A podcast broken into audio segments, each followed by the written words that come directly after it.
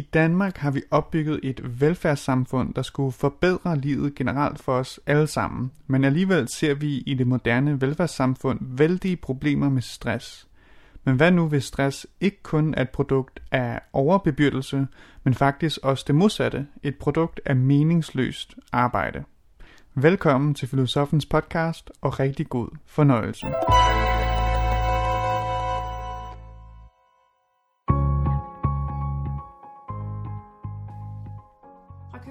Professionshøjskole får du velfærdsprofilen.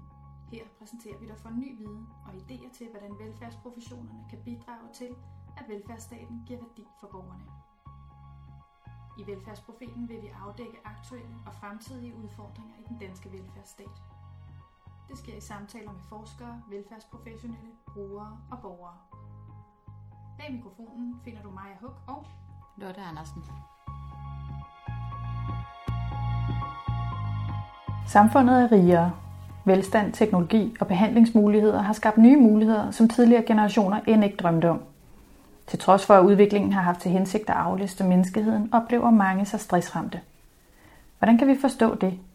Traditionelt har vi forstået stress som en belastningsreaktion forårsaget af for meget pres. Men er det også muligt at blive stresset af for lidt, for kedeligt eller meningsløst arbejde? Det spørgsmål kan vi forhåbentlig blive klogere på, når vi skal tale med filosof Anders Fogh Jensen, som har skrevet bogen Søvdearbejde sammen med Dennis Nørmark.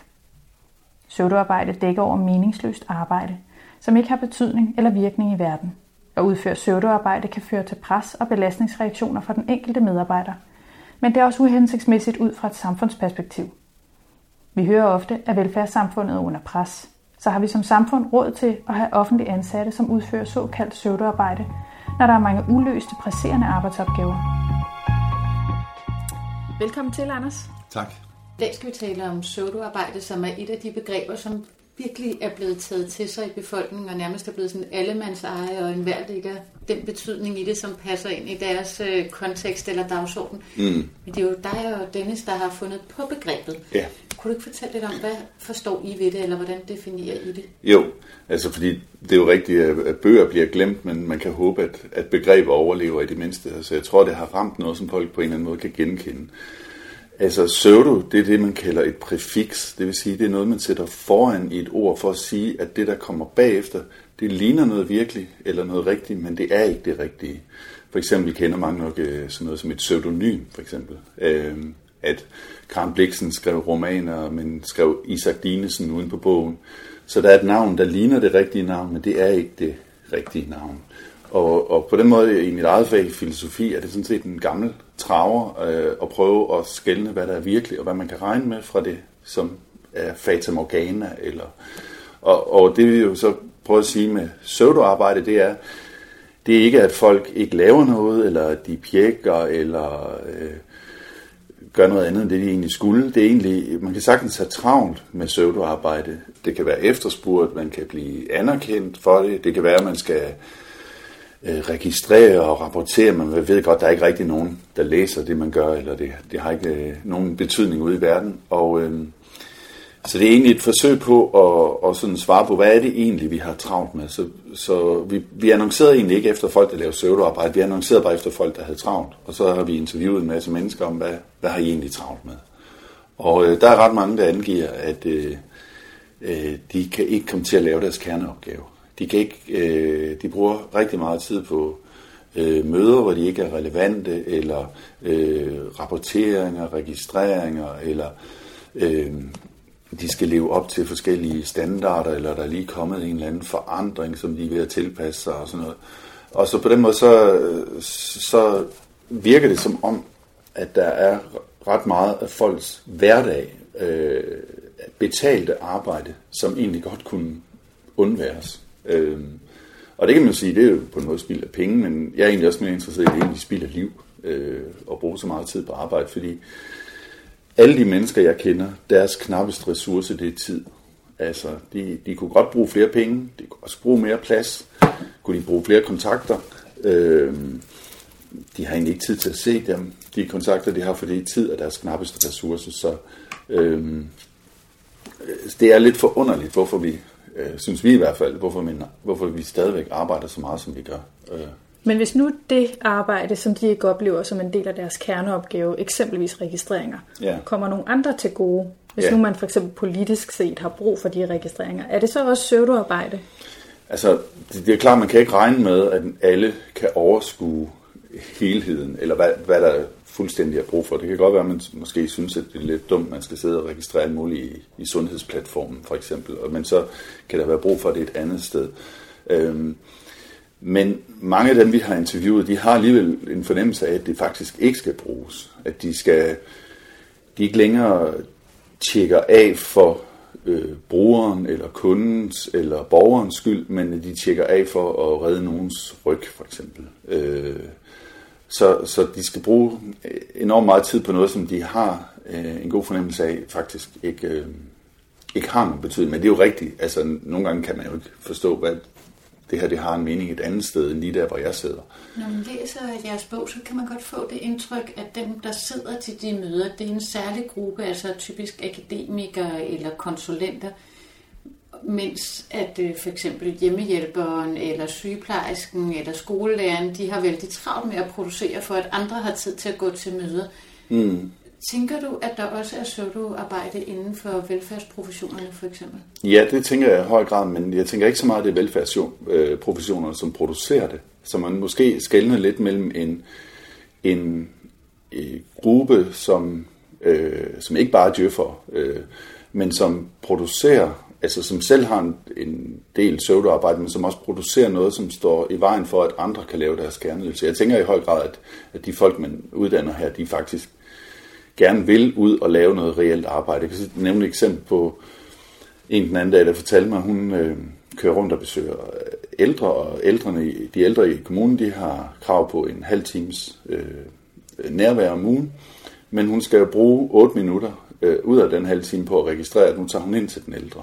Øh, og øh, det kan hun godt forstå, hun skal, fordi ellers får plejehjemmet ikke nogen penge, så hun kan sådan set godt forstå sin nærmeste leder, men der er et eller andet i systemet, som, hvor man sådan tænker, hvis nu man droppede de øh, registreringer, så kunne man være der mere for den øh, ældre. Jeg tror, i mange professioner handler det også om, for eksempel, at der er en nulfejlskultur. Der må ikke, der må ikke ske uheld, og lederen eller politikerne, de kommer ud og siger, hvis der er sket en misforståelse, eller øh, et uheld, eller noget, så kommer de ud og siger, det sker aldrig igen. Og hvis noget aldrig skal ske igen, øh, tilfældigheder, så kommer det til at skrive rigtig meget ekstra arbejde. Så det er også noget med, en- at vi måske har for lidt tolerance over for, at det- det tilfældige sker nogle gange, eller det uheldige sker nogle gange. Øhm, og hvis vi var lidt mere, øh, og der er medierne jo ikke særlig hjælpsomme, men hvis vi var lidt mere øh, tolerante over for det, så kunne vi øh, give mere tillid til, at medarbejderne øh, simpelthen nok skulle gøre deres arbejde og bruge deres professionelle dømmekraft. Så jeg tror også, at, at mange af velfærdsprofessionerne øh, altså, langsomt bliver udhulet for mening, fordi at øh, de ikke kan få lov at bruge, hvad de selv nok vil kalde deres faglighed eller deres dømmekraft, men i stedet for skal øh, registrere og krydse af, og, øh, og der er altid kommet et nyt system, som de skal sætte sig ind i, og øh, på den måde, så, så, så tror jeg faktisk, at det også handler om, langt hen ad vejen om tillid, at man, man i høj grad skulle sige, i vil, vi tror, at I gerne vil gøre jeres arbejde ordentligt. Øhm, Men når du taler om det, det lyder som noget, der kommer, hvad skal man sige, lidt diffust fra, at man forstår godt sin nærmeste leder. Det er ikke Ja. den nærmeste leder, der vil være ond, og det er nok heller ikke den nærmeste leders nærmeste leder. Og der er også mange, der lader til at kunne virkelig genkende sig i begrebet pseudoarbejde, og næsten har følt sig lettet over, at I har begrebsligt gjort det. Så hvorfor opstår det? Hvorfor lader man ikke bare være lave pseudoarbejde, eller pådutte andre pseudoarbejde? Altså, det, hver gang der kommer nogle, øh, hver gang vi bliver hurtigere til at gøre noget, hver gang vi får noget teknologi og sådan noget, så omsætter vi det ikke i fritid. Vi, vi, vi, men vi, vi, vi kan komplicere tingene, eller vi kan øh, øh, gå ind i og øh, øge sikkerhedsniveauet, eller øge komforten, eller, øh, og på den måde så, så gror det. Øh, ligesom, så derfor starter vi også bogen med at sige, at øh, komme med nogle forskellige forudsigelser øh, fra 1930'erne, hvor man regnede med, at nu ville vi arbejde 15 timer om ugen. Og så stiller vi lidt spørgsmål, hvad, vi bliver lidt flove, når vi skal svare, når de spørger ned fra 30'erne, sådan, hvad laver I så der i 2020? Er I meget sammen med dem, I holder af, eller øh, laver I jeres egen kopper, eller spiller I meget golf, eller hvad laver I? Så må vi sige, nej, vi sidder rigtig meget på kontor, og vi sidder rigtig meget med hovedet i en skærm, også selvom vi egentlig har et manuelt arbejde. Øh, så, så der er ligesom, det gror ud af rationaler, hvis man kan sige det sådan, at der er ikke nogen, der kan være imod, at der er mere kommunikation. Alt det er, jo, det er jo meget fornuftigt. Det er også fornuftigt, at vi får mere sikkerhed. Det er jo fornuftigt, at vi øh, optæller alting og holder styr på det og sådan noget. Så der i stedet for, at der er nogen, der er onde, så er det, eller, eller dumme, øh, skal man bare sige, at det, det er sådan nogle rationaler, som har det med at, at, og hele tiden, altså de er på en måde tragiske, fordi man når, man når aldrig i hus med de rationaler. Man kan sige, at vi får aldrig total sikkerhed, eller undgår fuldstændig misforståelse, eller du kan altid komme på et kursus mere, eller øh, på den måde, så kan man ligesom blive ved, og der kræver det, at der er nogen, der ligesom tager en beslutning og siger, ja, vi kunne godt have det, de har over i den anden kommune, men det skal vi ikke have. Eller øh, vi kunne godt, der er sket en misforståelse, vi kunne godt kommunikere noget mere, men det skal vi ikke. Øh, og, og det er der ikke rigtig nogen, der ligesom tør øh, stå frem til. Man skal faktisk, man kommer faktisk til at virke lidt irrationel, hvis man går imod de her rationaler. Men det er lige præcis de rationaler, der gør, at folk ikke kommer til at lave deres kerneydelse. Altså, vi har et eksempel i bogen med en, en øh, mand, der dør af nogle øh, kartofler på et plejehjem. Øh, og det er jo forfærdeligt på en måde, og det må aldrig ske igen. Men det betyder jo så, at alle ansatte skal registrere øh, rigtig mange gange, hvad det er, de går og laver og sådan noget, for at det aldrig sker igen. Og der er spørgsmålet, om det egentlig ikke ville være mere fornuftigt, at man sagde, okay, det var godt nok uheldigt, og det, det skal vi prøve at lade være med sker igen, men vi fortsætter vores arbejde. Så, så det er rigtigt, at det er jo egentlig ikke øh, nogen nærmeste leders skyld, men hvis man skulle pege på noget, som, øh, så, så er det, at øh, vi har for store enheder. Øh, sådan at forstå, at vi har faktisk ikke kunne øh, se, at der skulle være mere i det offentlige end i det private, mere søvdearbejde. Der, men det, vi kan se en forskel på, det er, at jo større øh, enhederne bliver, jo mindre er der nogen, der kan overskue dem. Og jo flere ting er der ligesom i gang, som ingen øh, leder eller andre helt ved, hvorfor. Øh, det var noget, der opstod for nogle år siden, og det kører stadigvæk. Og, øh, så, og så er vi jo bare et land med mange små og mellemstore virksomheder, og vores største enhed, det er kommunerne. Så øh, hvis der er mere søvdearbejde i kommunerne, så er det fordi, de er større. Og så ikke... når man taler om stordriftsfordele, så vil du egentlig stille spørgsmålstegn ved, om der er dem? Ja, det vil jeg, og det, det virker jo, altså nu så lavede man kommunesammenlægning, men det er der ikke, Øh, det er ikke blevet færre ansatte af det. Der, der opstår bare flere ting, som ingen kan overskue i de store organisationer. Og det er jo helt imod tendensen, alt skal jo fusionere nu om dage. Øh, men, men jeg tror bare, at det, det skaber en masse irrationelle eller uoverskuelige ting. Men man kan sige, at der er jo også nogle af de her tendenser, der er opstået som et svar på nogle problemer, hvor man har forsøgt at sige, vi har knappe ressourcer, vi skal prioritere dem, så vi skal vide mere for at kunne prioritere dem, eller et menneskeliv reddet er det vigtigste, så, så må folk undvære kartofler. Eller, ja. Altså på den måde er det jo også opstået som et svar på nogle ting.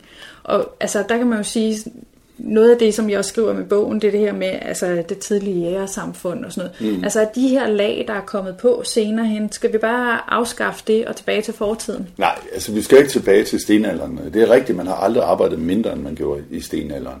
Altså noget det, det første, da man begyndte at lave landbrug, det var, at man, man kan se på de skeletter, man finder de helt anderledes nedslidte.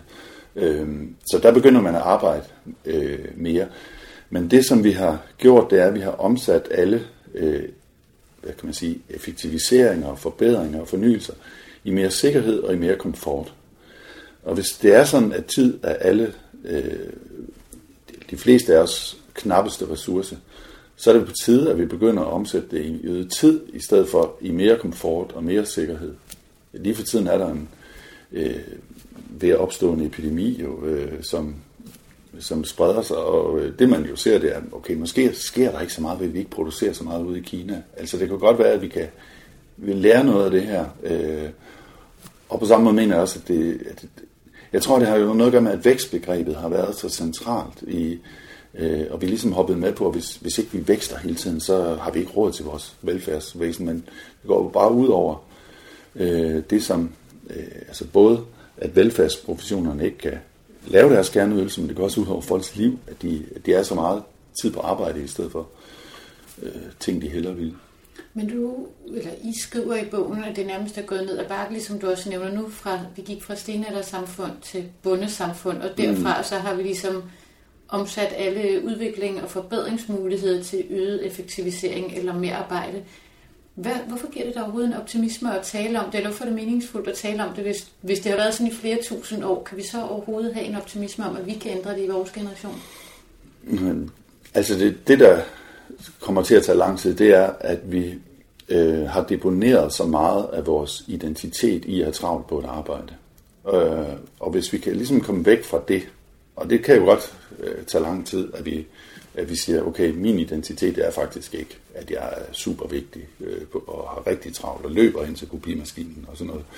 Øh, men øh, så, så hvis vi kunne få det, at det ligesom er cool at arbejde meget og cool at have travlt, hvis vi kan få det afmonteret, så tror jeg også, at vi vil se, at, at folk faktisk lader være med at sætte så meget nyt i søen hele tiden og øh, lave om og ja, fusionere og lave nye versioner af det samme og sådan noget. Og det er det, der, der skaber rigtig meget. Så der er jo nok en eller anden optimisme om, at man, hvis man bruger sin fornuft, i stedet for bare hele tiden at lave, sin, lave de rationelle løsninger, der ligger lige for, så kunne vi få nogle bedre liv. Der er nogen, der tænker, at det her ikke bare lean, for eksempel. Er det ikke bare, kan vi ikke bare skære? Er det, handler det om økonomi og, og sådan noget? Det kan det selvfølgelig, kan man sige, det kan det også bruges til. Men for mig handler det mere om, om enkelhed og, og, og bedre liv. Altså det, det er spild af liv. Øhm, på mange måder tror jeg også, at vi er ved at overuddanne os i forhold til, hvad der, hvad der er brug for. Øh, vi skal have, alle skal have en studentereksamen, alle skal have en akademisk uddannelse. Det er selvfølgelig ikke alle, der skal det, men de, øh, det er spørgsmålet, om vi egentlig har så, så meget brug for det. Det betyder ikke, at det ikke kunne være interessant, men øh, jeg tror, at vi, vi har længe tænkt, at vi, hvis vi ikke satser på viden og uddannelse, så, så løber kineserne også over, over ende. Men i det der er vi også bare kommet til, at, tror jeg, at, at overuddanne os simpelthen. Øhm. Så hvis der sidder nogen derude og tænker, at de kan godt genkende, at de laver pseudoarbejde, og de vil egentlig gerne komme det til livs, hvad tænker du, man skulle gøre? Hvordan kunne man som individ gøre noget ved for at mindske sit pseudoarbejde eller omfanget af det? Altså, noget man kan gøre, det er, at man kan sidde lidt mere på sine hænder. Det vil sige, lad være med, øh, der man mener ikke, at man ikke skulle lave sit arbejde, men, men lad være med at sætte nye ting i gang. Øh, mange af dem, som vi taler med, de, de angiver altid andre som årsagen men, til deres pseudoarbejde, men man kunne jo også nogle gange tænke, er jeg egentlig i gang med at sætte noget i gang, som vi måske godt kunne undvære. Øh, og det tror jeg har noget at gøre med, at initiativ og ansvar og sådan noget, det bliver nogle nye dyder på arbejdspladsen, og den, der kommer med de nye er ligesom, melder sig ligesom mere ind i virksomheden eller, eller kommunen, eller hvad det nu er. Øhm, noget andet, man kan gøre, eller i hvert fald overveje, jeg tror, man har mere råderum, end man tror. Øhm, og noget af det, vi har set, det er, at folk de faktisk hacker deres arbejde, som man kalder det. Det vil sige, at for at gøre det bedste for borgeren, eller brugeren, eller hvad det nu er, så, øh, så lader man være med at øh, gøre det, man egentlig skal, men man, man gør det reelt bedre. Altså man kan sige, en, øh, vi har for eksempel kigget på nogle, øh, nogle læger, som sidder med den her sundhedsplatform, og de skal udfylde simpelthen så mange ting, så øh, en af lægerne, vi er ude og, og følge, han, han skal jo bare bøge i nogle af felterne. Øh, og så laver han et Word-dokument ved siden af, hvor han egentlig skriver det reelle, som, som han skal bruge. Og sådan kunne der være forskellige steder, hvor man måske godt kunne kunne kortslutte proceduren en lille smule. Det er selvfølgelig sådan lige på kanten af loven nogle gange, ikke? Men, men det er for borgerens skyld, og fordi der er sådan en masse irrationelle ting i, øh, altså man måler på det, man kan måle. For eksempel så måler man et bibliotek på, hvor mange bøger, der bliver lånt ud. Men øh, en god bibliotekar er jo en, der rådgiver godt og finder den rette bog. Så i stedet for, så skal bibliotekaren jo i stedet for at og sige, det er den her bog, du har brug for, så skal du have 10 bøger med hjem, fordi så er det bedre for biblioteket. Øh, jeg har selv prøvet at komme ind på et apotek, hvor der ikke var nogen mennesker, og så siger de, kan du ikke lige gå hen og tage et nummer? Fordi det er det, vi bliver målt på. Og der, jeg ved ikke, om man, man ligesom nogle steder, man kan overveje, om man sådan nogle steder kunne kortslutte de procedurer, man skal for faktisk at gøre sit arbejde ordentligt. Men noget af det, jeg forstår i bogen, det er også, at det, øh, noget af det, der belaster folk meget ved pseudoarbejde, det er, at det bliver sådan en meget ensom proces. Så jeg tænker, det her med at hacke, der kan også komme noget skyld eller ja. noget individ. Kunne man også gøre noget som gruppe, kollegagruppe for eksempel, eller for at komme det til livs, eller fagforeningerne, eller hvor kan man gøre noget på mere gruppeniveau? Øhm, altså man kan jo, det er jo simpelt at sige, at man kan begynde at tematisere pseudoarbejde, altså at tale om det til møderne. Øh, vi har oplevet, at det er ret tabuiseret faktisk. Øh, det er svært at både selv at erkende eller sige det til sin nærmeste, at man laver mange meningsløse ting, men man risikerer også at udstille sine kolleger eller ydmyge sin chef ved, at sige, at halvdelen af det, jeg laver, det behøver jeg ikke at lave. Så, øhm, men hvis det på i højere grad kunne blive talt om, øhm, det ville være en mulighed. Noget andet, som vi også øh, beskriver i bogen, det er det her med, at vi, vi har låst os fast på, at vi skal have timeløn, frem for at øh, have beskrevet, hvad det er for nogle opgaver, man skal lave og så må man gå hjem. Altså, øh, jeg tænker sådan et sted som professionshøjskolen her, altså, øh, hvorfor behøver det at tage fuld tid? Hvis man er, har forberedt sig, så behøver man vel ikke at bruge mere øh, tid, men så må folk ligesom gå og, og skjule det lidt, fordi øh, ellers så får de bare flere opgaver. Og der, der tror jeg, vi skal sådan lidt tilbage, sådan ligesom postbuddet i gamle dage. Ikke? Han, han, han øh, mødte godt nok tidligt, og det var surt i december, når der var julekort og sharp og sådan noget. Men når opgaven var færdig, så var han færdig. Og, og der tror jeg, at det, at vi låser os fast på 37 timer, og, som vi har haft siden 1990, øh, det gør, at der ligesom er ting, der, der bliver ved med at, at gro. Altså mange har nok oplevet, at et møde, det tager altid en time. Lige meget om vi har, hvis vi har nået øh, fire punkter på den øh, halv time, og der er et punkt tilbage, så tager det sidste punkt sjovt nok en, en halv time. Øh, og der, der kan man se, altså hvis man ligesom kunne lave incitamenter til, at folk egentlig gerne må gå hjem eller få fri, øh, når de var færdige, så tror jeg i højere grad, at vi ville lade være med at sætte så mange skibe i søen. Men er der ikke også mange af de her ting, som bliver sat i søen med borgeren som ypperste mål? Altså jo. hvor man siger for eksempel sundhedsplatformen, det er også, at man skal kunne følge sin egen journal, eller vi skal tage i afla, så forældre og børn kan følge med i, ja. hvad der sker, socialrådgiveren skal skrive journaler, det er retssikkerhed. Ja. Så er der ikke risiko for, at det går ud over borgeren i sidste ende, hvis vi hacker vores arbejde? Mm, det kan der selvfølgelig godt være. Det vil jeg ikke være blind for, men jeg tror, at det går mere ud over borgeren nu.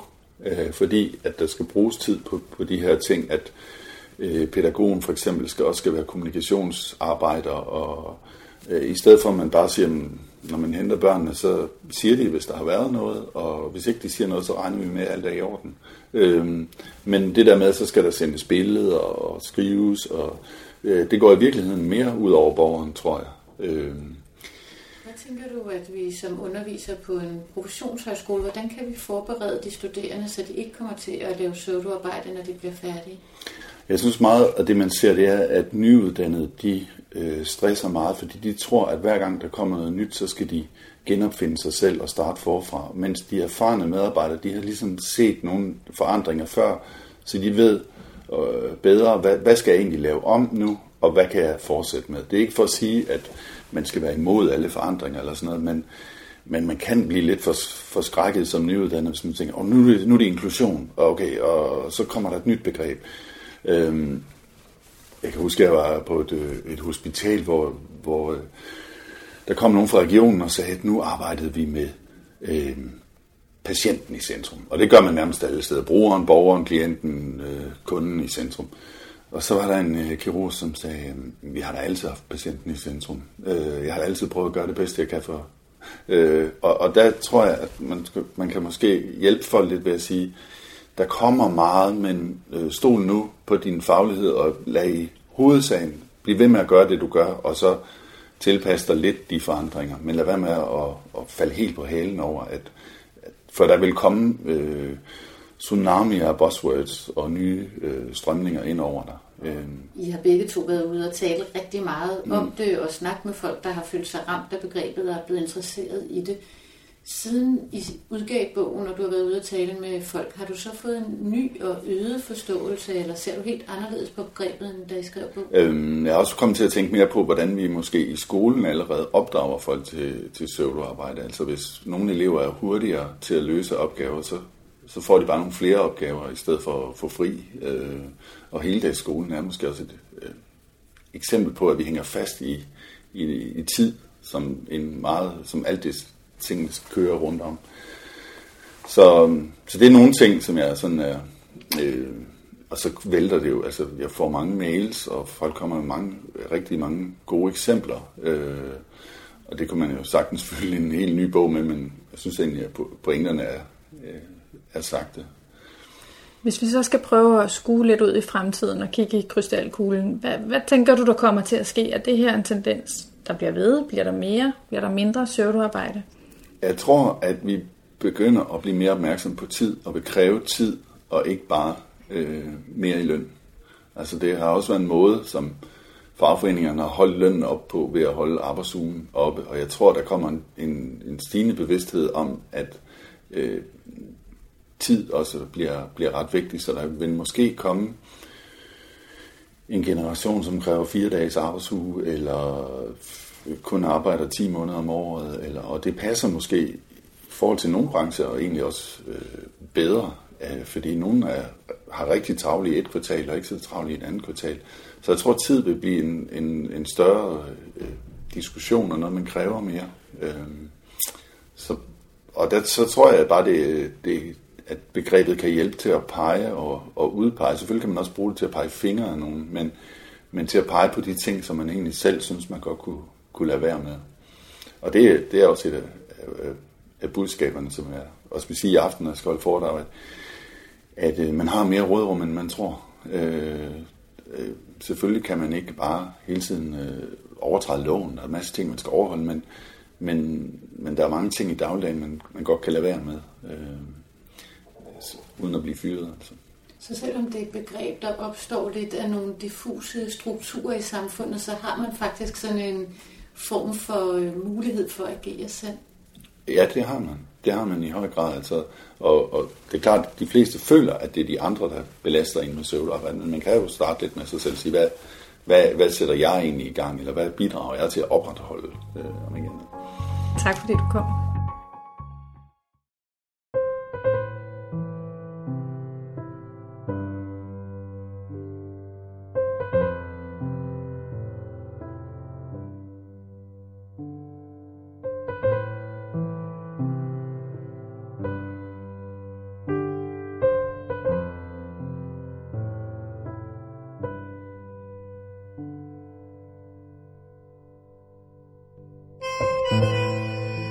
Du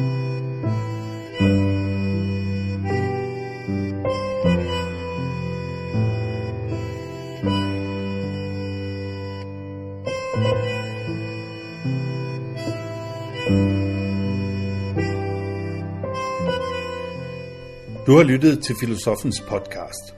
Se mere på min hjemmeside filosofen.dk og tag med mig på dannelsesrejse. Se dannelsesrejser.dk. Mit navn er Anders Fogh Jensen. Tak fordi du lyttede med.